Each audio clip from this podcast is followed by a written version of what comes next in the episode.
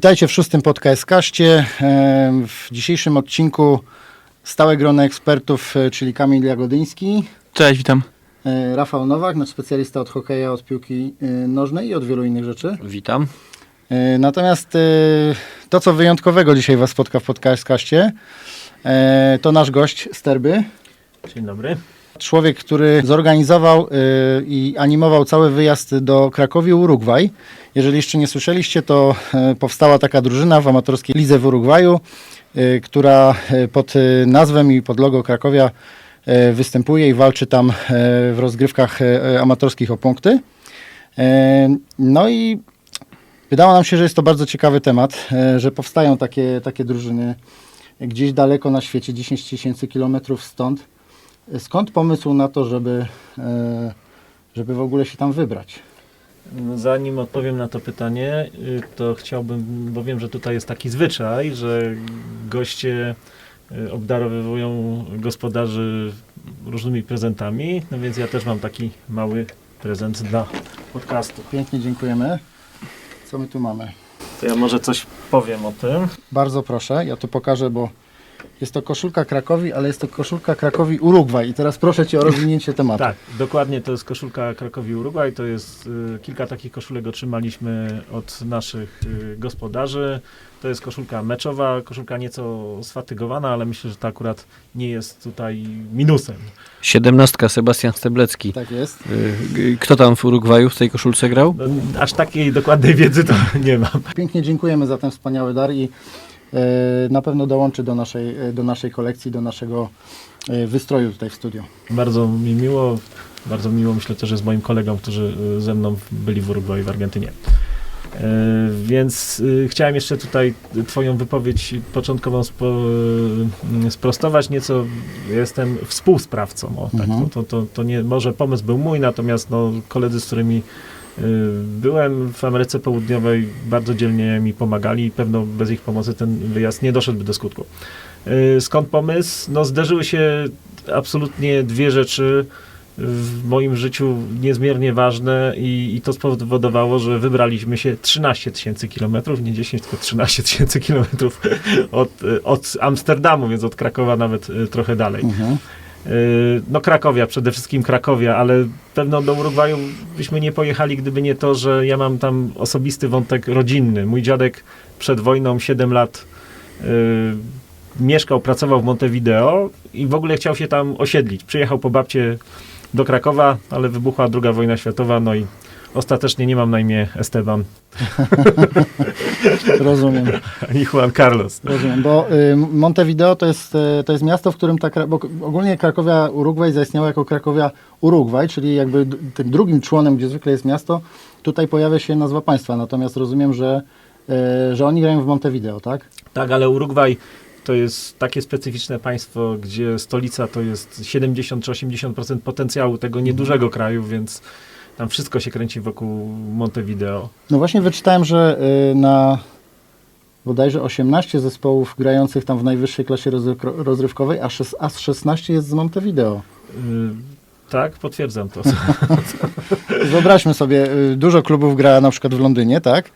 Ale tu w zasadzie cała liga, y, najdalszy wyjazd, no to jest w zasadzie wyjazd do sąsiedniej y, dzielnicy lub dzielnicy tego samego miasta, w którym y, w większości przypadków, w którym, y, w którym gra nasza, nasza drużyna. Tylko chyba tam y, dwa kluby są spoza Montevideo. Jeden to jest y, jakieś 200 km, drugi 350, z tego co wyczytałem. y, Co, w- w 350 jednym z km to już jest na granicach Urugwaju, bo to chyba państwo ma 200 na 300 km.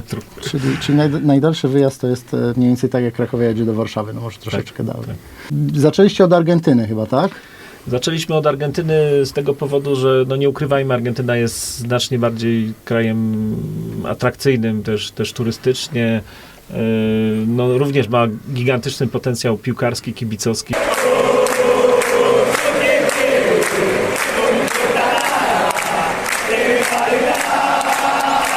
Więc no, nie mogliśmy tu dwóch krajów y, potraktować y, osobno. Yy, No dodatkowo do Urugwaju i tak trzeba się dostać przez Argentynę lub Brazylię. No, trudno się jest dostać bezpośrednio z Europy, więc jakby połączyliśmy te sprawy ze sobą. Ale Celem- Buenos Aires jest, staje się bliziutko, tak? Tam jest tak Yy, od na- granicy. Na mapie to się wydaje bliziutko, natomiast nie jest tak, jeżeli nie chce się lecieć samolotem za jakieś pieniądze porównywalne do ceny Amsterdam, Buenos Aires, trzeba płynąć promem, godzinę, jechać trzy godziny autobusem, no to półdniowa wycieczka jest, to, to, to jest tak bliziutko, może na mapie, natomiast w rzeczywistości to, no i przede wszystkim jest to granica państwowa, no my odwykliśmy od tych spraw, to jest granica z odciskami palców, z, ze skanowaniem tęczówki. Oni się tam niby kochają między sobą, ale granica jest. Powiedz mi, co zastaliście na miejscu? E, Czym jest ta, ta urugwajska Krakowia? To jest y, inicjatywa grupy przyjaciół, jest to drużyna y, całkowicie amatorska, to jest nawet druga liga amatorska. No są nieźle zorganizowani, no mają trenera, mają przepiękne stroje, y, mają treningi, y, no grają y, w ośrodku takim treningowym w pobliżu stadionu Penarolu, ale to jest komercyjny, komercyjny ośrodek, tam wynajmują boisko, tam grają. Po tym, co można już odnaleźć w internecie, bo wy jesteście chyba tak na, z tego, co przynajmniej udało mi się wyszperać w sieci, trz- trzecimi Polakami, trzecią grupą, czy, czy, czy, czy, czy, jakby trzecią wizytą w- z Polski.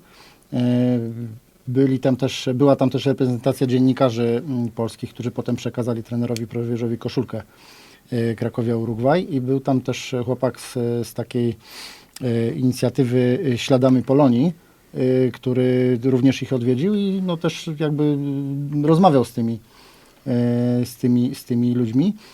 No i ja odniosłem wrażenie, że oni doskonale czują w ogóle temat Krakowi, że, że wiedzą z, jaką ten klub ma historię. W taki głęboki sposób czują to, dlaczego kibice Krakowi kib- kibicują właśnie temu, temu klubowi. Jak, jak wyście to odebrali? Y, Tak, to prawda. Oni znaleźli Krakowie grając tak naprawdę w FIFA. No, Mhm. Jak dobrze wiecie, w FIFA są tysiące drużyn z całego świata, no więc y, dlaczego, dlaczego Krakowia? Y, No spodobało im się barwy, spodobało im się to, że to jest drugi koniec świata, a dopiero później zaczęli jakby badać y, naszą historię. To nie było tak, że w jeden dzień oni się zajawili i natychmiast postanowili się nazwać Krakowią. Tam była taka y, grupa inicjatywna. No, no właśnie, y, czy udało ci się ustalić, dotrzeć do tego praojca, czyli człowieka, który powiedział, panowie, y, to jest taka drużyna, chcę, żebyśmy coś takiego zrobili. Czy jest taki jeden człowiek, którego można wskazać? Jest jeden taki człowiek, Andres Patrone. Y, Jego ojciec jest trenerem, on jest czynnym zawodnikiem, to jest architekt, ma 34 lata. Y, Notabene był w Polsce kiedyś, parę lat temu, jak był na studiach, ale niestety nie był w Krakowie. To, to jeszcze było przed czasem, kiedy on słyszał w ogóle o Krakowi. Y, Jak studiował architekturę, byli po prostu na wycieczce w Europie, ale jakoś tak się stało, że zwiedzali tylko Warszawę. Więc, więc on jakby pierwszy wpadł na tą myśl, do, do tej myśli przekonywał y, kolegów. To nie było to podobno znowu takie łatwe, bo to jest jednak dla większości z nich całkowita egzotyka. No nie ma jakichś zbyt silnych połączeń polsko-urugwajskich, no już prędzej jakieś polsko-argentyńskie można by było znaleźć, natomiast polsko-urugwajskich prawie nie ma w ogóle. No, ale Że Gombrowicza może czytali. Może czytali, nie o Gombrowiczu. Ale poczekaj, bo jeszcze jedną sprawę chciałem zapytać. Y, Powiedziałeś, że grali w FIFA, ale jestem ciekaw, w którą FIFA? W sensie takim, którą Krakowie w tej FIFA y, kojarzyli, prawda? Czyli czy pamiętali jakieś nazwiska zawodników? Y, Bo teraz to już pewnie to im się zatarło, bo to zainteresowanie na pewno zadziałało trochę tak zwrotnie, że oni się też zajawili trochę bardziej Tak. tym zainteresowaniem, ale czy, czy udało ci się ustalić, która Krakowia? Bo ja pamiętam, kiedyś grałem tam w FIFA chyba 12, no to była przecież zupełnie inna drużyna niż obecna na przykład. Nie? nie, no ta drużyna ma historię dwu czy trzyletnią, także no mówimy cały czas o erze trenera Probierza, więc Mhm. Rozpoczęli, rozpoczęli z tego, co się doszparałem w styczniu 2018 roku. oficjalnie grać. Tak, i tu zaczęła się historia piękna ta umysłu stan, bo to trochę chyba tak trzeba uzasadnić, bo oni gdzieś tam w tych wypowiedziach, które można znaleźć w sieci, podkreślali, że podoba im się to, że Krakowia jest takim klubem, który mimo głębokiego e, dołka finansowego przez wiele lat e, potrafiła zachować przy sobie ogromną rzeszę e, kibiców i kojarzyli to też trochę z tym, co działo się w Urugwaju, że największe sukcesy, y, jeśli chodzi o reprezentację te, i też o piłkę klubową, te kluby osiągały wtedy, kiedy tam nie było wielkich pieniędzy jeszcze, jeszcze w tej lidze zarówno regionalnej, jak i, jak i światowej. Tam do dzisiaj w Urugwaju nie ma dużych pieniędzy w piłce. Mhm. A zastanawia mnie, y, jakby każdy piłkarz z tej drużyny oczywiście tak interesuje się Krakowią, czy to jest na przykład teraz wygląda tak kwestia, że, że są tam też zawodnicy, którzy po prostu przychodzą po to, żeby mieli kim grać, bo y, to, to mnie to ciekawiło. Znaczy myślę, że nie wszyscy są w równym stopniu fanami Krakowi, natomiast w gronie, nie wiem, 6-10 osobowym oni oglądają wszystkie nasze mecze, na bieżąco się interesują. Y, kiedy dostali od nas plakat derbowy z Hanką, ten, ten taki charakterystyczny z podpisem, to doskonale wiedzieli, co to był za gest, kiedy się to odbyło.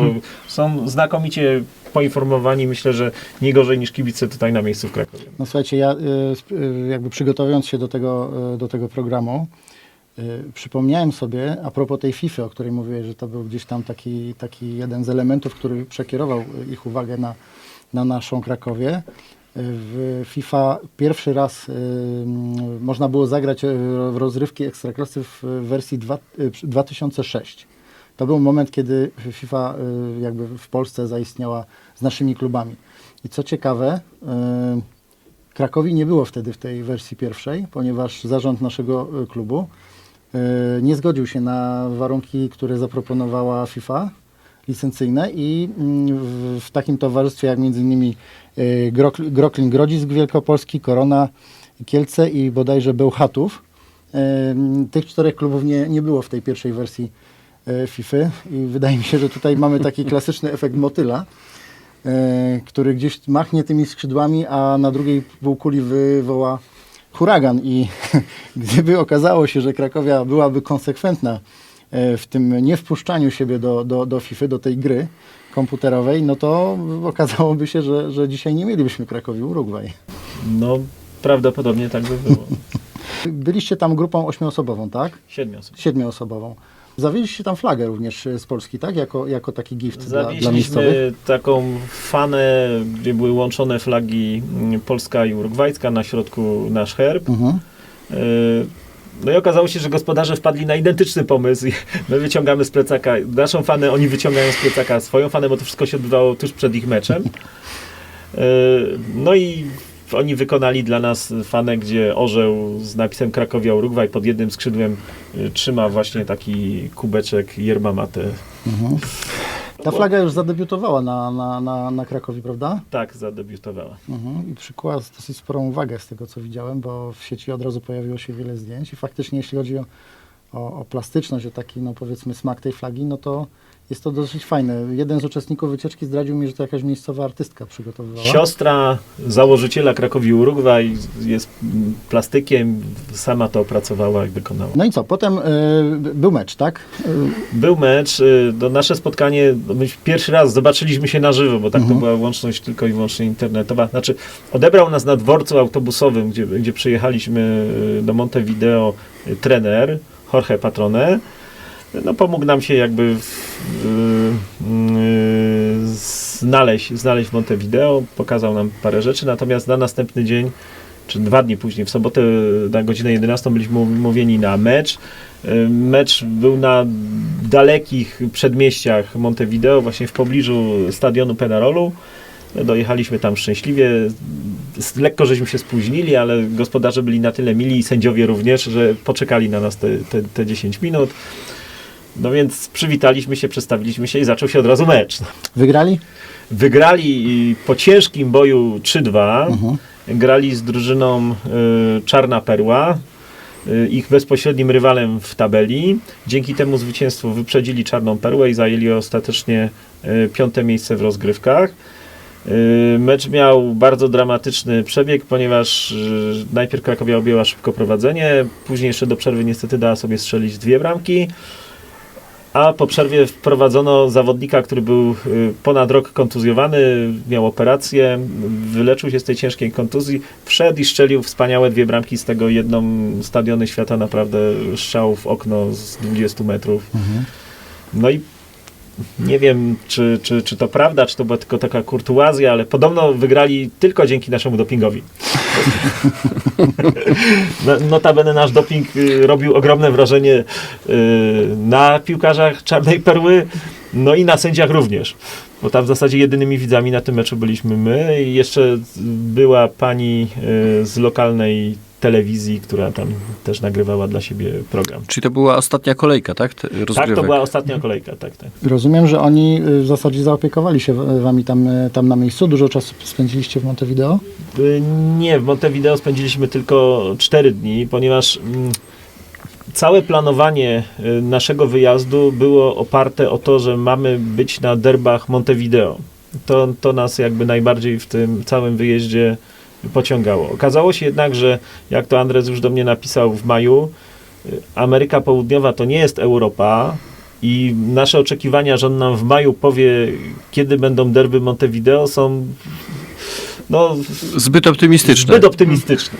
Okazało się, że ostateczny termin, my już kupiliśmy bilety, już założyliśmy, notabene były zupełnie sprzeczne informacje, inne dostawaliśmy z y, Urugwaju, inne były w internecie, na flash score.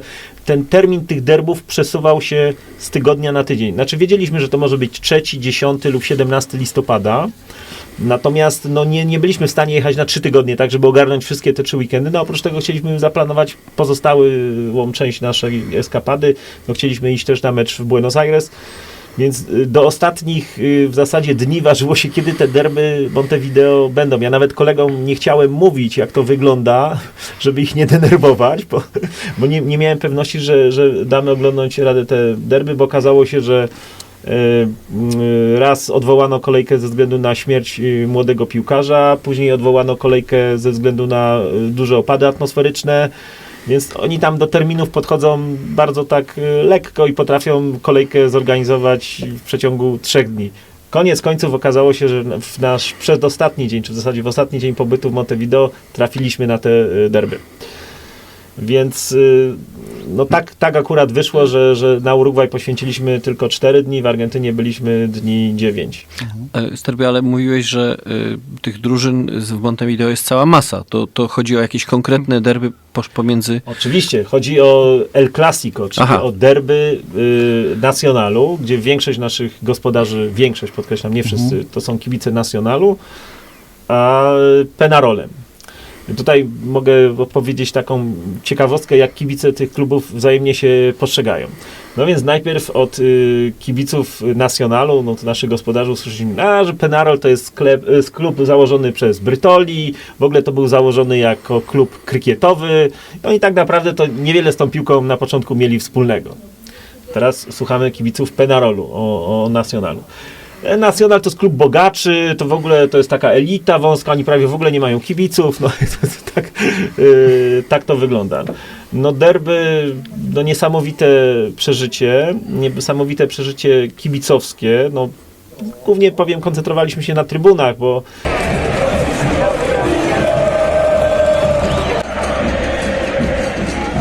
bo na murawie nie działo się zbyt, zbyt wiele. Nasze europejskie wyobrażenie, że futbol południowoamerykański składa się z samych Suarezów i Messi jest błędne.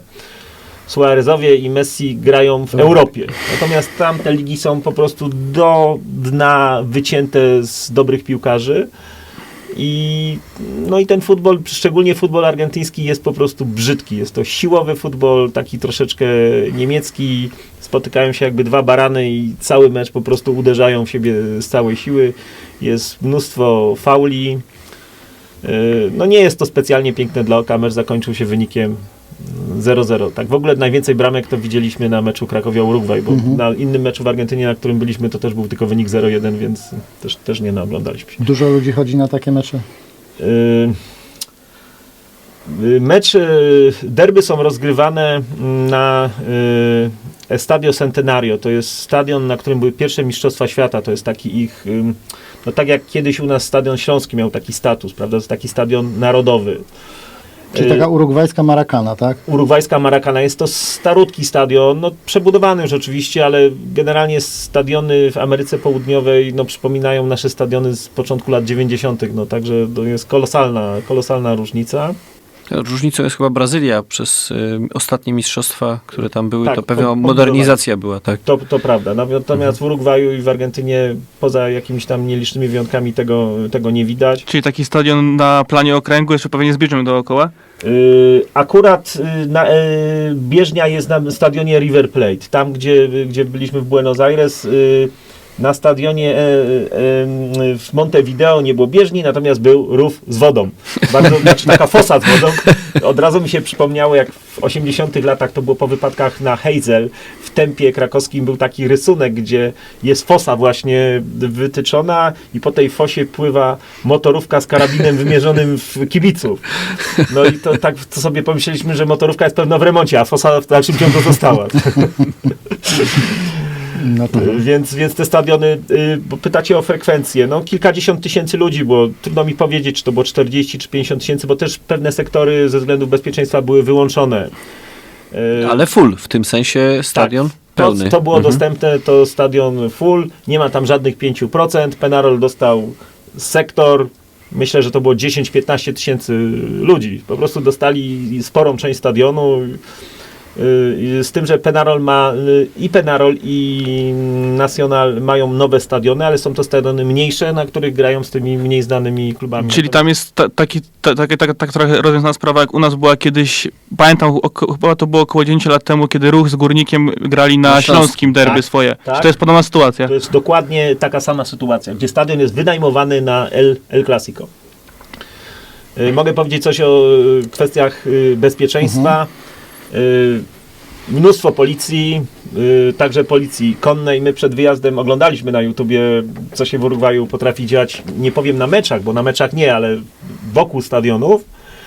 No to robiło to spore wrażenie. Zdobywanie budynków, y, y, zrzucanie, no nie powiem, że wrzątku i smoły na atakujących, ale jakichś przedmiotów, mebli, mebli. No w każdym razie na meczu było spokojnie, ale wokół y, stadionu mnóstwo policji, policji konnej. Pierwszy raz w życiu widziałem takie pały, dosłownie przypominały to miecze pod Grunwaldem. No, no metr dwadzieścia. A oprawy, jak kibicowsko coś się działo w tym sensie? I Jeszcze, jeszcze o bezpieczeństwie Aha. chciałem dokończyć. Cały mecz nad stadionem latał helikopter. to trochę, jak, trochę jak w czasie derbów Krakowa, może w ostatnich latach mniej, bo latają drony, zauważyłem ostatnio. Tak. Natomiast kiedyś było tak faktycznie, w latach 90. jeszcze, że, że nad miastem helikopter krążył praktycznie przez cały, e, przez cały dzień helikopter. Tak, dokładnie. Natomiast jeśli chodzi o te pały, to powiem Ci, że też widziałem kiedyś coś takiego, z tym, że to było na meczu Polska-Anglia na, na Wembley.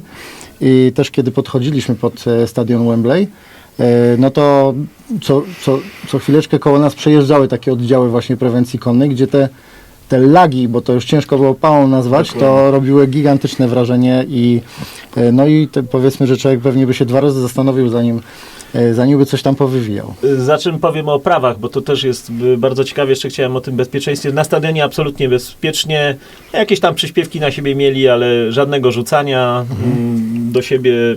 Natomiast y, wokół stadionu miasto podzielone w ten sposób, że z północnej strony przychodzi są kibice jednej drużyny, z południowej drugiej drużyny. Miasto jest podzielone jakby taką linią na dwie części. Nie ma za bardzo możliwości do jakichkolwiek y, starć. Natomiast co do opraw, y, nie na naszym meczu, ale jeden z naszych y, y, kolegów y, gdzieś to wyczytał, że na Estadio Centenario został pobity rekord Guinnessa długości flagi. Ponad Podobno 600 metrów. Mhm. należy do Nacionalu ten, Mhm, ten, ten rekord. Tutaj było podobnie, w zasadzie cały stadion uczestniczył w oprawie, no bo wszyscy trzymali te ich y, trzy kolory, czerwony, biały, niebieski. Tak trochę nam się to źle kojarzyło, no ale to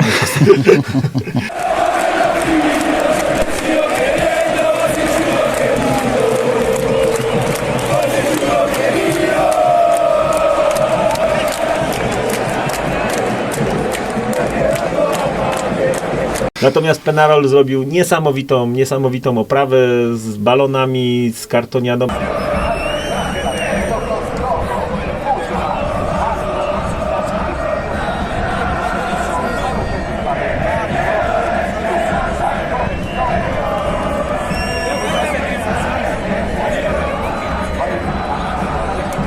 A przede wszystkim mieli fanę na cały sektor.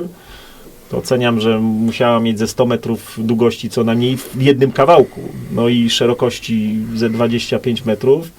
z jakiejś wspaniałej, błyszczącej tkaniny. Tak mówiliśmy sobie na meczu, że to chyba jakieś kartele narkotykowe to muszą sponsorować, bo skąd oni na to mają pieniądze, bo to musiało gigantyczne pieniądze kosztować. I jak to 10 tysięcy ludzi się nakryło tą flagą i od spodu ją ruszało, no, no kapitalnie to po prostu wyglądało. A o jakiej porze był ten mecz?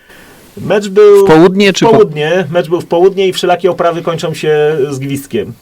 Yy, zaczyna się mecz, yy, nie ma już, są tylko śpiewy, nie ma już yy, rac, nie ma flag, wszystko jest przed meczem.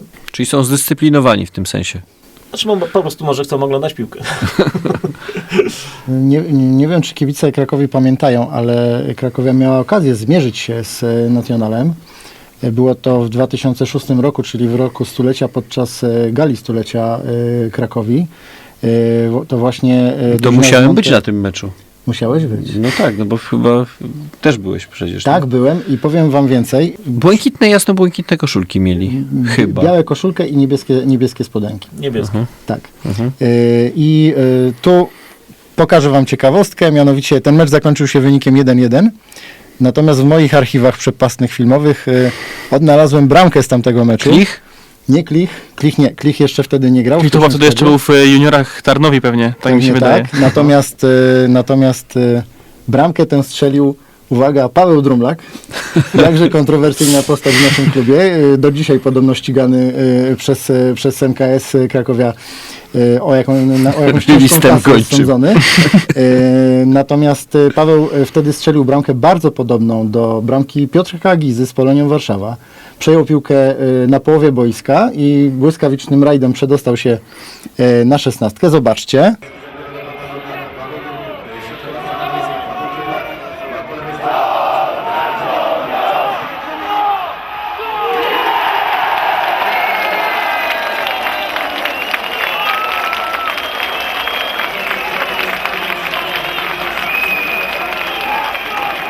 I w ten oto sposób Paweł Drumlak e, przeszedł do historii jako strzelec bramki e, tej, tej e, no jakże szacownej drużynie z, Monte, z Montevideo.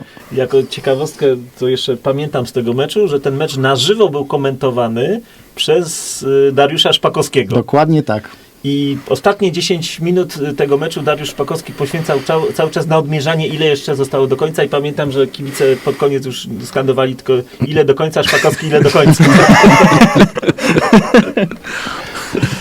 Jest e, więc pewien akcent e, między naszymi krajami, między naszymi miastami, czyli między Krakowem a Montevideo, taki trochę historyczny, ale myślę, że nie, nie jest to taka zamieszła historia. Większość z nas tutaj e, no, powinno faktycznie pamiętać to co, to, co się wtedy wydarzyło. Wynik 1-1. e, mm, Ja szukałem zawodnika, który który strzelił bramkę Krakowi. Niestety ta nie uchowała się w moich, w moich archiwach. Natomiast był to Pablo Caballero i on do dzisiaj w piłkę gra, natomiast e, jest to drużyna, co ciekawe, FC Liverpool, z tym, że urugwajski Liverpool, Tak. Li- Liverpool Montevideo. Także e, wydaje się, że, że, że jest tam swoista moda na to, żeby Tam zakładać w drużyny. Liverpoole, Arsenale, tak. Ogromne europejskie wpływy, jednak to, co mówiłeś o drenażu tego, Y, Europejskie i brytyjskie, bo w zasadzie Urugwaj y, na przełomie XIX i XX wieku był taką troszeczkę półkolonią brytyjską. mhm. Mimo tego, że było to niepodległe państwo, to tam wpływy brytyjskie są niezwykle silne. Na przykład jak y, byliśmy na stadionie Penarolu, to przed stadionem, podobnie jak przed stadionem Lecha, stoi potężna lokomotywa. Ja się troszeczkę kolejnictwem interesuję, to jest brytyjska lokomotywa, Mhm. tak? I to też Brytyjczycy im pewno to, to, to, to podsunęli. Tego nie wiem do końca, ale wydaje mi się, że być może Penarol miał coś z kolejnictwem wspólnego. Tu wspominałeś na początku o przodku, który zahaczył o, o Urugwaj. Ja gdzieś tam też y, czytając te teksty dostępne w internecie znalazłem informację, że y, tam y, w okresie międzywojnia y, około 300 tysięcy Polaków wyemigrowało, z tym, że są oni w, zasadzie całkowicie zasymilowani z miejscową społecznością. Czy wy tam spotkaliście jakichś Polaków e, na miejscu? Bo pomyślałem sobie, że jeżeli powstała taka drużyna jak Krakowia tam, no to przy takim zapleczu, powiedzmy, o korzeniach polskich, no to może się okazać, że, y, że oni mają dla kogo grać, że to może ta historia się rozwinąć. Y, Śladów y, polskich y, w Montevideo jest bardzo mało, albo praktycznie ich można powiedzieć w ogóle nie ma. No tak jak wszędzie na świecie, może poza Antarktydą Polaków można spotkać. Nam zdarzyła się taka sytuacja, że na ulicy autochton powiedział do nas czystą polszczyzną dzień dobry, jak się macie. No, był to dla nas taki szok, że zamiast zapytać go, skąd on to umie, no, odpowiedzieliśmy grzecznie dzień dobry i poszliśmy dalej. No nie mogę sobie tego zupełnie wybaczyć. Jest, Autochtonie, jeśli nas widzisz, to y, no, przykro nam bardzo, tak? I pozdrawiamy. Y, Natomiast natknęliśmy się, nie mając takiej wiedzy, bo oczywiście w Urugwaju nie ma polskiej ambasady, no bo w tych redukcjach sprzed 15 lat tych ambasad w ogóle Polski na świecie jest mało. Y, Natomiast jest konsulat honorowy. O dziwo. No ale konsulat honorowy to jest tylko godło i mm, jakiś tam pan Urugwajczyk przyjmuje w godzinach takich i takich. To, to jest jedyny ślad, jaki natknęliśmy się, to jest właśnie ten konsulat honorowy. Zupełnie przypadkowo idąc y, ulicą, bo nie, nie mieliśmy po prostu informacji na ten temat. Jest tam chyba też pomnik papieża, ponieważ była tam taka No tak, no ale papież jest, to jest pierwsza rzecz, którą zobaczyliśmy. Ale jest tam kibic Krakowi już na miejscu w takim razie, więc y, kolejny przyczółek y, się. Montevideo. Pierwsza rzecz przy wjeździe do Montevideo to jest sanatorium imieniem Jana Pawła, a potem przy dworcu autobusowym, na którym przyjechaliśmy, jest wielki pomnik Y, Słuchajcie, przejdźmy może do y, kolejnego tematu dzisiejszego odcinka. Chcieliśmy troszeczkę porozmawiać o hokeju, ponieważ y, wiemy już, y, gdzie będzie rozgrywany finałowy turniej y, y, Pucharu Kontynentalnego. Y, Będzie to w Danii. W związku z tym, że mamy wspaniałego eksperta od hokeja, Rafał, czy mógłbyś rozwinąć ten temat? nie przesadzajmy z tym ekspertem. Znaczy ja powiem tak, no niestety w Danii. Tak powiem. E, No po pierwsze sami staraliśmy się, aby zagrać w Krakowie, e, a jeśli już e, jakieś inna lokalizacja, no to tutaj nawet zgodnie ustaliliśmy, że najlepsze, najlepsze byłoby Grodno, natomiast no Wojens.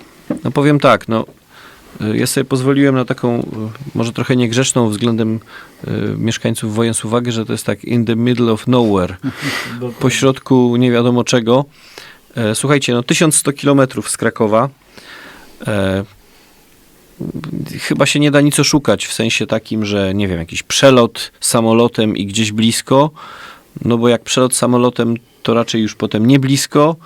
No chyba trzeba po prostu wsiąść w samochód i jechać obwodnicą Berlina i potem przez, y, przez Hamburg bodajże. Dokładnie, ja byłem w Danii i jest tak jak mówisz, no samochodem, ringiem berlińskim i dalej, dalej koło Hamburga, nie da się nic oszukać. No te 10-11 godzin trzeba spędzić, jeśli jakimś busikiem to pewnie nawet dłużej. No, nawet, nawet trochę dłużej. Yy, No w Danii tak naprawdę poza tymi dniami, kiedy Krakowia będzie grała, są tylko dwie rzeczy do oglądnięcia. No chyba, że ktoś lubi płaskie, zielone krajobrazy i wiatraki na morzu, no więc do oglądnięcia jest y, Legoland i Kopenhaga. Ja powiem, ja już sprawdzałem ten Legoland i nie jestem do końca pewien, czy on czasem do marca nie jest zamknięty, czyli ten Ja drugi, lecie. czyli ten pierwszy powód y, już odpada.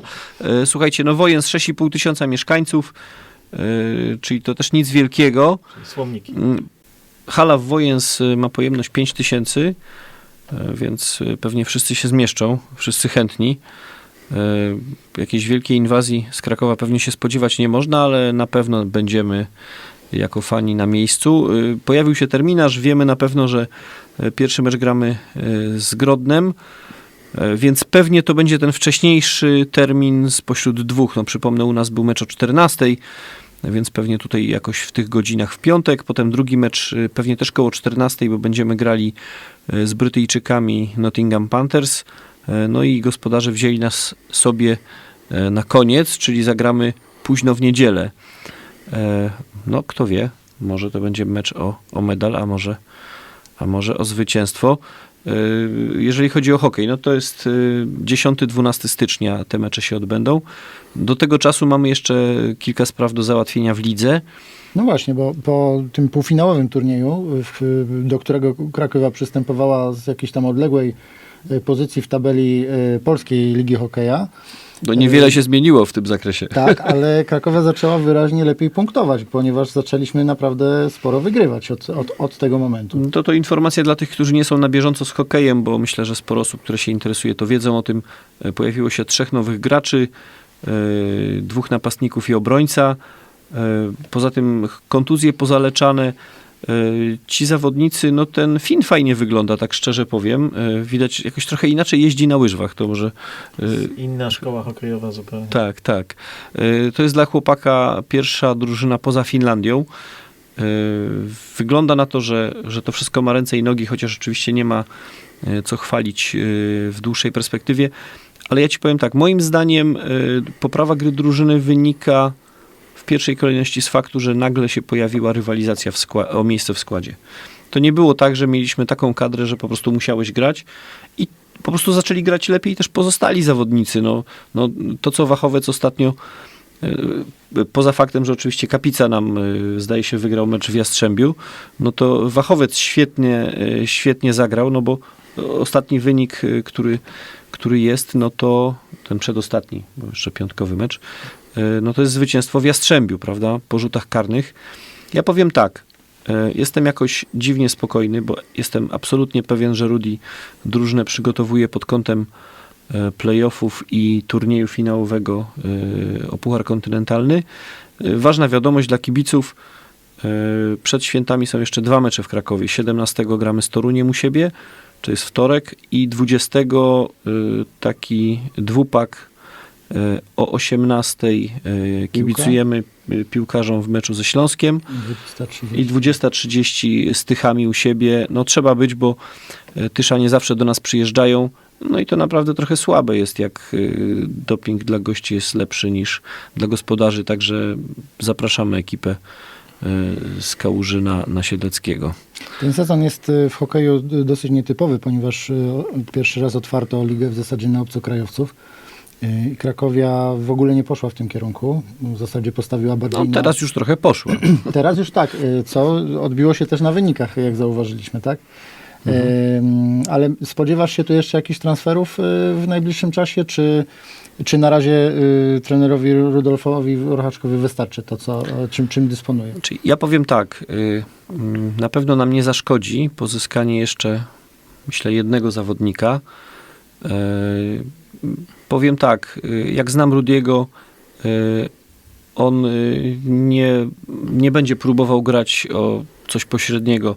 Celem naszym jest na pewno mistrzostwo. Zawsze gramy o mistrza i tak będzie w tym sezonie. I na pewno gramy też o wygranie Pucharu Kontynentalnego, bo jak już jesteś w finale, to jesteś w grupie jednej z czterech drużyn, które mogą to zrobić. Jesteśmy na pewno silniejsi niż byliśmy awansując, także może być ciekawie. Ja tam w, w Rudiego wierzę, polegam na nim jak na Zawiszy i jestem niemal pewien, że e, no przypomnę, dwa razy nasze drużyny e, Katowice, Tychy grały w finale Pucharu Kontynentalnego. Najlepsze miejsce to trzecie. E, Więc jest potencjał, jest przestrzeń do tego, żeby zrobić lepszy wynik. No a w lidze na pewno zawalczymy. Ja dodam tylko jeszcze, jeżeli już jesteśmy y, na chwileczkę poza piłką nożną, piłkarki ręczne Krakowi zdobyły pierwsze punkty w y, pierwszej lidze. Y, Ten mecz, zwycięski mecz był rozegrany w Jarosławiu na wyjeździe.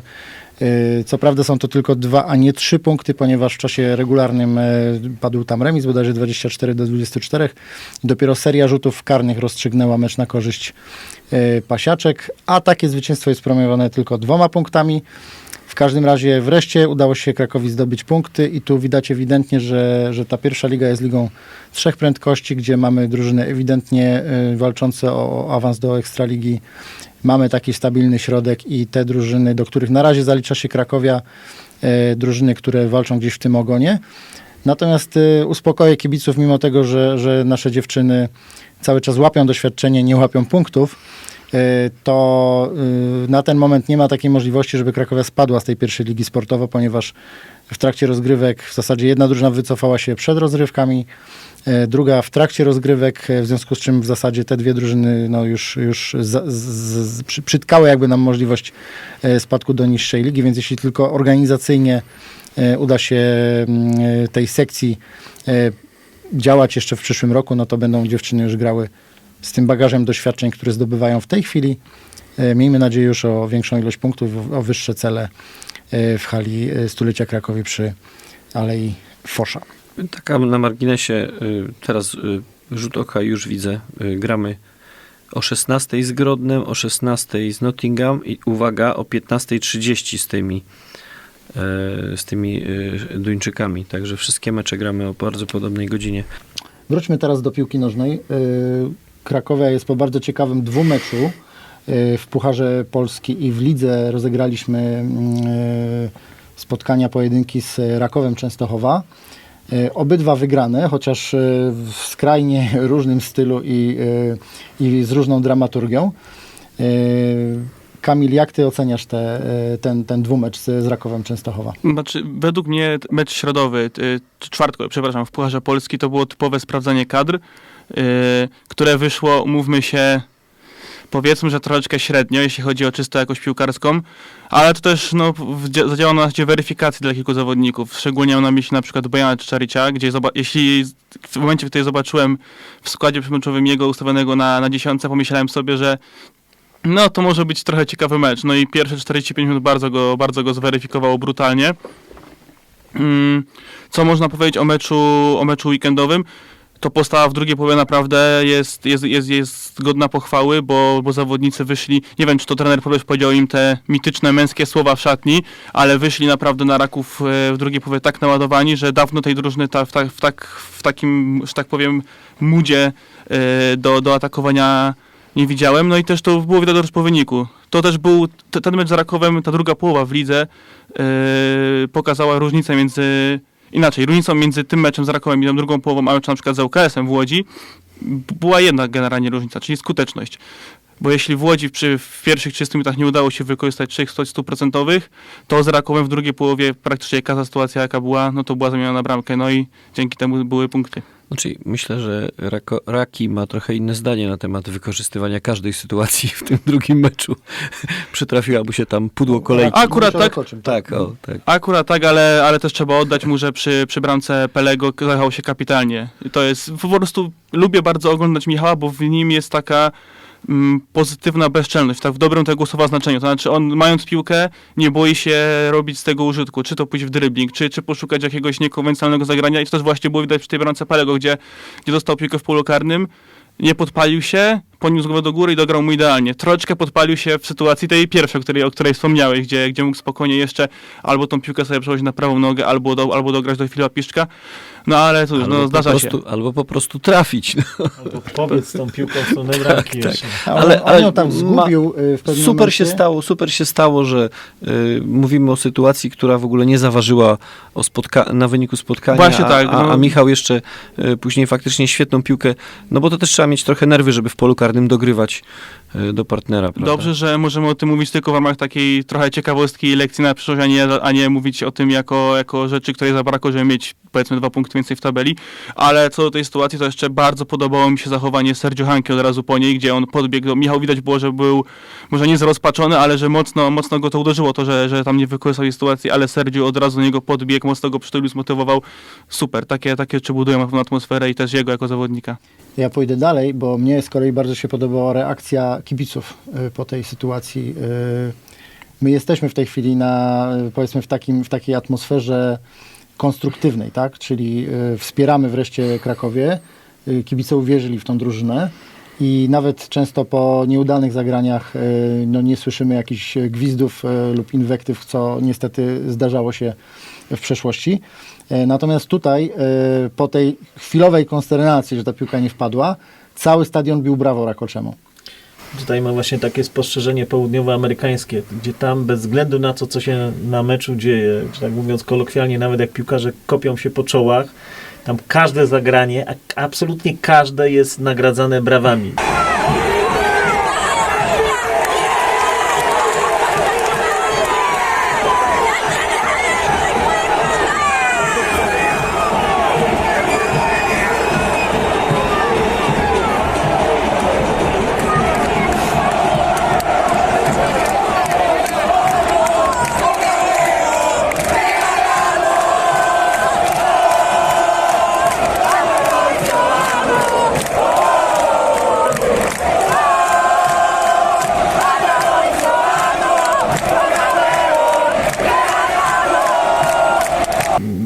Absolutnym szoku, bo, bo niektóre te zachowania piłkarzy zagrania no naprawdę wołały o pomstę do nieba. Wszystko jest nagradzane oklaskami. To jakaś kolosalna różnica kulturowa jest. Ale byliście też na meczach w Argentynie. Czy wyglądało to tak samo? Byliśmy na meczu, na jednym meczu River Plate Rosario Central w Buenos Aires.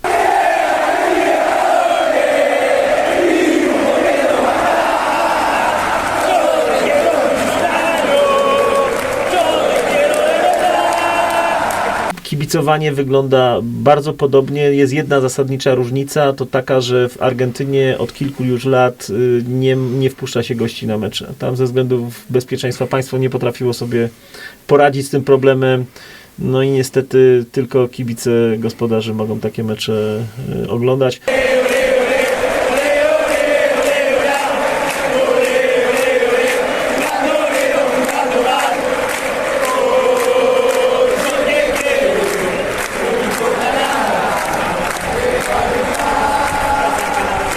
Futbol argentyński od urugwajskiego różni się przede wszystkim tym, że jest zdecydowanie bardziej finezyjny. Tam zawodnik jak ma piłkę, to troszeczkę wygląda jak taka korrida, ma za zadanie minąć jak najwięcej przeciwników. Oczywiście prawie zawsze traci tą piłkę w, po drodze do pola karnego, no więc przeciwnik przejmuje piłkę i też serią zwodów stara się dostać. No i tak wygląda cały mecz. Nie ma żadnych prostopadłych podań, nie ma żadnych, y, żadnego grania piłki na skrzydła.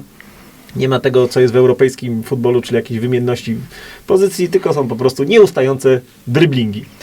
Yy, Mecz yy, River Plate grało o yy, pozycję lidera. Mecz zakończył się sensacyjną porażką 0-1 z drużyną ze środka tabeli, dlatego że ostatni obrońca przed bramkarzem, zupełnie nieatakowany, postanowił bawić się z piłką, robić jakieś tam rulety. Podbiegł napastnik Rosario, odebrał mu piłkę i szczelił obok bramkarza. No i tak się ten mecz skończył.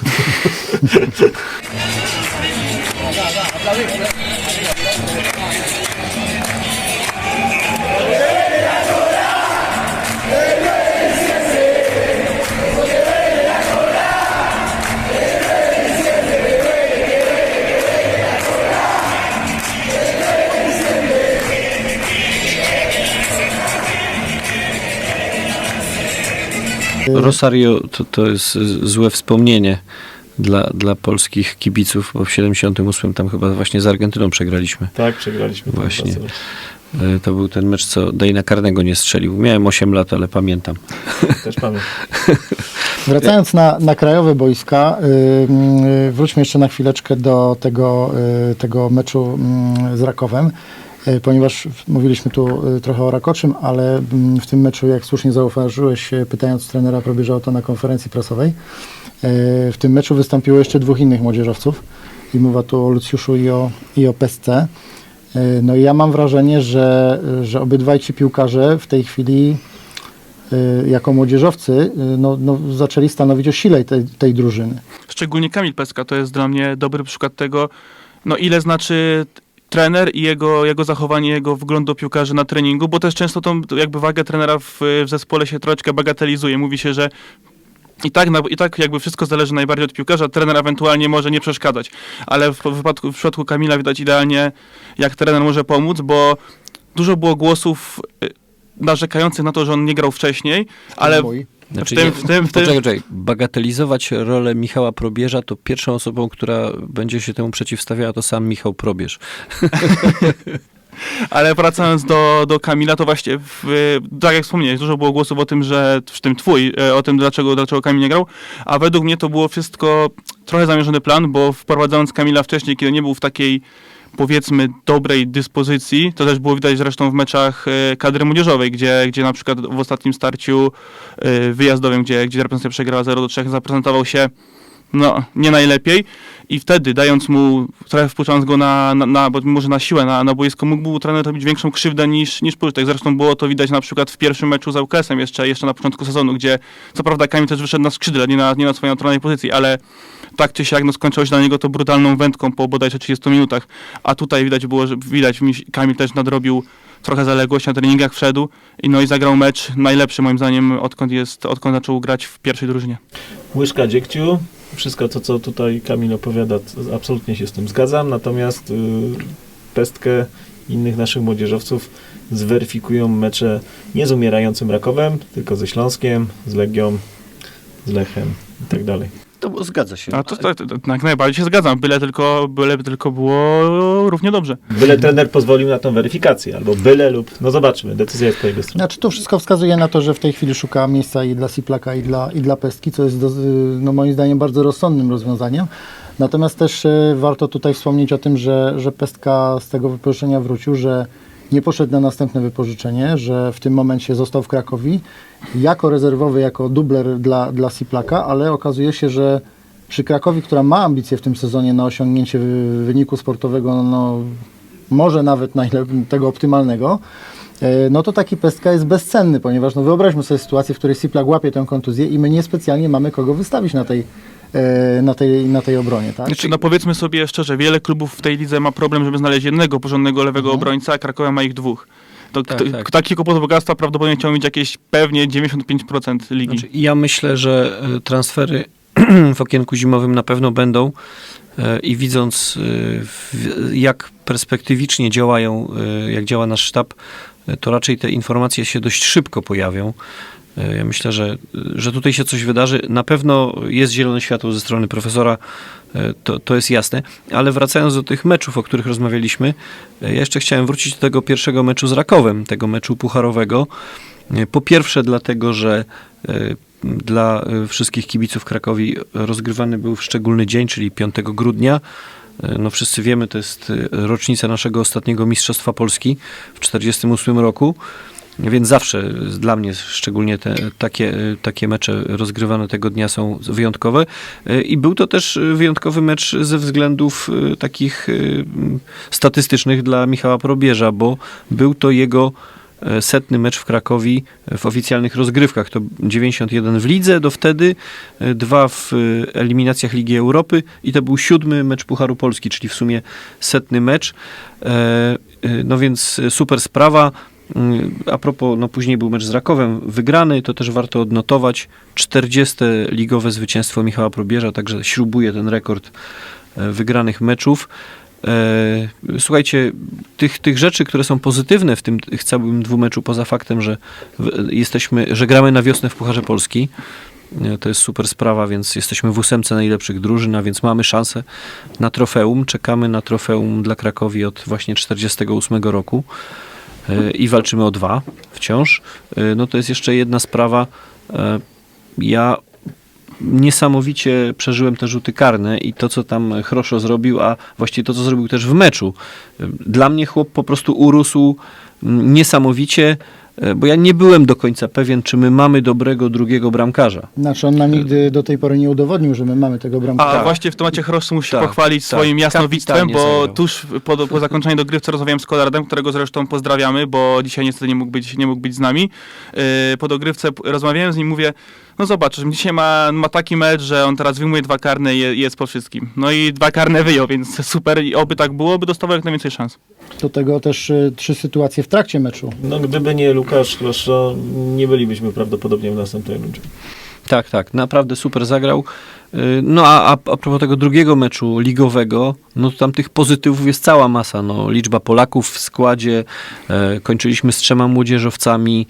E, Gol gola. Tak, go- gol Janusza. Panie Życzyliśmy. Januszu, serdecznie pozdrawiamy, Tak, tak. bo Super. mamy wrażenie, Piekło że troszeczkę- zamarzło. Tak jest, piekło zamarzło, jak, jak napisała na Twitterze żona pana Janusza, natomiast no my tutaj tak pół żartem, pół serio y, śmiejemy się, że po wizycie y, w naszym podcaście, po wyartykułowaniu tej potrzeby strzelenia pierwszej bramki dla Krakowi, nie minęło y, 16 dni, a pan Janusz Gol zaliczył już dwa trafienia, pierwsze z karnego właśnie w tym pucharze, drugie, y, drugie już z głowy w, w meczu ligowym. No życzymy kolejnych bramek panie Januszu i e, i będziemy się z nich cieszyć e, tak bardzo jak Andrea Hanka, która, która gdzieś tam sprawa. znowu w internecie zawojowała e, swoim entuzjazmem i, i, i, i swoją osobą e, kibiców i e, no jej radość, tak jak mówię, była No mogłaby poradzić naszej. doping bez problemu moim zdaniem, poradziłaby sobie w tej roli w 100%. Natomiast słuchajcie, żeby nie było tak słodko, y, co waszym zdaniem oprócz tej, y, czy tylko brak skuteczności w tej łodzi odebrał nam punkty? No bo w zasadzie ŁKS jest, jest drużyną, która odebrała nam 6 punktów i ja jeszcze parę tygodni temu wieszczyłem, że Krakowia zakończy rozgrywki mm, czy przed nowym rokiem y, Krakowia będzie liderem, y, że, że wraz z końcem tych, y, tych zimowych rozgrzewek zajmiemy to pierwsze miejsce i tak właśnie przeczekamy do, do, do kolejnej fazy rozgrywek. Natomiast ten mecz z ŁKS-em no, całkowicie posypał mi tą moją e, cudowną, e, cudowną wizję. Czy to tylko brak skuteczności, czy widzicie tam jeszcze na przykład problem z graniem przeciwko drużynom zorganizowanym w polu? Gdzie grają dużo piłką, grają krótką piłką po ziemi, gdzie ja miałem wrażenie, że kiedy ŁKS podchodził pod szesnastkę Krakowi, to no to tam po prostu niektórym naszym stoperom, rosłym, silnym chłopom trzeba byłoby rozdawać śrubokręty, żeby się odkręcili, bo y, myśmy kompletnie nie mieli recepty na te ataki ŁKS-u. Mm, ŁKS przede wszystkim, co, co mi trochę zaimponowało, dobrze, dobrze wychodził spod pressingu, bo to, co cechuje najczęściej yy, drużynę Michała Podbierza w tym sezonie, to jest właśnie dobrze zakładany pressing na połowie rywala, gdzie dużo drużyn w naszej lidze się, się, się, się z tym gubi, a ŁKS sobie potrafił z tym radzić kilka razy, kilka razy bardzo dobrze, szczególnie w, pierwszej połowie, kiedy potrafili, to właśnie ta jedna akcja szczególnie mi zapadła w pamięci, gdzie wyszli tak naprawdę spod linii końcowej, spod własnej bramki, doszli pod pole karne i jakimś tylko cudem wtedy nie padła bramka, bo bodajże Maciej Wolski, inny zawodnik ŁKS-u po prostu się wywrócił, mając, mając sobą pustą bramkę, więc tu na pewno duże brawa dla ŁKS-u, bo to jest trochę się, akurat miałem ten mecz, przyjemność oglądać ten mecz z trybun z, z panem Stanisławem Malcem i on, i on mi co, co chwilę tylko patrzył i pokazał mi, coś mi się przypomina, taki jeden trener z wąsami, jak patrzył na grę, na grę ŁKS-u i trochę tak to wyglądało, właśnie trochę jak, jak trochę jak Krakowa Wojciecha Stałowego. Yy, Ja tutaj mm, chciałem wam troszeczkę zburzyć narrację. Jestem na Krakowi znany z czarnowictwa. Ja tego nie nazwam czarnowictwem, tylko hiperrealizmem. Ja patrzę na to w ten sposób. Yy, Fajnie, entuzjazm, wygraliśmy z Rak- z Rakowem, wygraliśmy zdecydowanie. Graliśmy z podmęczonym Rakowem, mamy szerszą kadrę. Poszło nam to w miarę gładko, ale w drugiej połowie. Natomiast my gramy, moim zdaniem, zdaniem kibica, y, bardzo schematyczną piłkę. Jeżeli są trenerzy, tak jak trener ŁKS-u, którzy potrafią nas rozszyfrować, to wtedy nie idzie nam to tak gładko. Gramy y, systemem miliona wrzutek w pole karne. Oczywiście, y, jak śmiesznie ktoś na forum to podsumował, jeżeli milion wrzutek nie przyniesie efektu, to zrobimy milion sto tysięcy i w końcu to przyniesie. Znaczy. Sterby, ja się bardzo cieszę, że jesteś nareszcie, jest jakaś kontrowersja, bo ja się oczywiście kompletnie z tym nie zgodzę. Fajnie, bo wtedy jest dyskusja żywa, jeśli jest różnica poglądów. Tak, mamy najwięcej wrzutek w lidze, to prawda, ale spośród e, czołówki wrzucających w lidze mamy najwyższy procent skuteczności wrzutek. E, Jeśli mamy mm, dobrze opracowany ten element gry, to dlaczego z niego nie korzystać? I jeszcze jedna rzecz, przypomnijcie mi, dlaczego ŁKS z nami wygrał? Wspaniale e, rozprowadził atak pozycyjny? Wygrał po kontrowersyjnym rzucie karnym. No może nie kontrowersyjnym, ale Ale po rzucie karnym. No hello, no przecież ten mecz był e, w tym sensie na 0-0. Znaczy ja będę tego Możemy wrócił, mieć pretensje, że myśmy nie strzelili, ale umówmy się, oni nam też nie strzelili. Okej, przewrócił się, ale przecież u nas też yy, no, no, w tych sytuacjach yy, było na remis tak naprawdę. Przegraliśmy. Ja powiem tak, myśmy się już przyzwyczaili, że w tych meczach na styk zawsze wygrywamy. No i w końcu nam się zdarzyło przegrać. No, Ale przegraliśmy ze Słabeuszem, to jest No właśnie, bolesne. no właśnie, bo mówimy tu o meczu na styku, ale jednak z drużyną, z którą Krakowia, y, no Mhm. jeżeli, jeżeli faktycznie walczymy o najwyższe cele, to Krakowia nie ma prawa takich meczy y, przegrywać. Tak, to Nawet pra- jeżeli, tak, to jeżeli pra- Helik y, tak to prawda. w sposób, no, Przypomnę, że Legia zdobyła mistrzostwo nie w ubiegłym sezonie, tylko chyba dwa lata temu, przegrywając 11 meczów w sezonie. Da się zdobyć mistrza, okej. Y, Na pewno nie jesteśmy y, pierwszym y, kandydatem na liście do mistrzostwa, ale jesteśmy kibicami Krakowi, więc musimy y, nie być obiektywni, tylko trochę spaczeni. I ja jeszcze powiem o jednej rzeczy a no propos... chyba, że jesteśmy E, A propos tego, ale poczekaj, poczekaj, ale Sterbaj powiedział, że wygraliśmy z podmęczonym Rakowem. A kto podmęczył ten Raków? My podmęczyliśmy. No właśnie. No właśnie, więc myśmy y, po prostu, y, oni, pró- oni byli cwani, y, no bo y, Papszun myślał, że nas, pan, pan Marek Papszun myślał, że nas y, y, przechytrzy. No i Co okazało się, prawie że udało. traf, no, no tylko z, z tą małą różnicą, że to jednak Michał Probierz zgarnął wszystkie y, frukty tak naprawdę, więc kto kogo... Ja chciałem przypomnieć, co powiedział Papszun po pierwszym przegranym meczu. Nie wiem, czy pamiętacie, on był taki y, w Bełchatowie, on był taki y, y, rozczarowany tą porażką. On, on mówił, że jego drużyna płaci frycowe. E, No powiem tak, no, te 400 ileś e, meczów e, w lidze Michała Probierza ciągle z, z doświadczeniem pana Marka pokazuje, że, że on go ogrywa. Ja się bardzo cieszę, że my mamy takiego trenera. ponieważ Michał zrobi wszystko, żeby wygrać i puchar, i ligę. Fajnie, że chyba złapał jakiś flow z profesorem. E, Ja wierzę, że, że te transfery trochę jeszcze tej drużynie dołożą. Nigdy nie ma gwarancji, ale na pewno będziemy się bili e, do samego końca o, o najwyższe cele. Tego jestem pewien. Ptaszki ćwierkają, że mm, Krakowia planuje trzy transfery i mają to być transfery tak zwane grube, czyli nie będą to nazwiska uzupełniające kadrę, mm, takie, które y, w przyszłości przyniosą profit Krakowi. Y, Mają to być zawodnicy mm, do pierwszego składu. Y, Myślę, że okienka transferowe, które mamy za sobą, ostatnie dwa przynajmniej, potwierdzają, że y, Krakowia w tej chwili potrafi robić takie, y, takie transfery, że potrafimy wreszcie pozyskiwać piłkarzy, którzy no, niemalże, z marszu, niemalże z marszu potrafią zaskoczyć, nawet jeśli jest to sytuacja ratunkowa, tak jak w przypadku Janusza Gola. I tym optymistycznym akcentem kończymy dzisiejszy podcast Cast. Tradycją w naszym podcaście jest y, podpisywanie naszej pasiastej piłki. Sterby jako y, gość specjalny bardzo byśmy prosili o złożenie autografu pośród innych. Przeżycie, bo do tej pory z autografy tylko na mandatach składałem, także Chcemy, aby ta piłka była e, wspaniałą pamiątką po gościach, którzy e, zaszczycili nas e, swoją obecnością. Może kiedyś ta piłka posłuży jakiemuś dobremu celowi, jakaś, jakaś licytacja, może uda się nam zebrać jakieś pieniążki za tą piłkę. Na ten moment staramy się kolekcjonować te podpisy i serdecznie dziękujemy Ci za, za ten podpis. dziękuję również. Tutaj do kamery. Y, Mam nadzieję, że dzisiaj poruszone tematy mm, zainteresowały Was. Serdecznie dziękujemy Sterby za y, obecność dzisiaj, za y, wszystkie szczegóły i ciekawostki dotyczące tego niezwykle ciekawego Gościem był Sterby. W roli eksperta wystąpił dzisiaj Kamil Jagodyński, Dzięki wielkie. Rafał Nowak, Dziękujemy. a Robert Makowski podprowadził dla Was podcast Cast z gościnnego studia e, radia UJFM, które udostępnia nam swoją technikę i swoje pomieszczenie. Dziękujemy uprzejmie i do zobaczenia w następnym podcast Castie.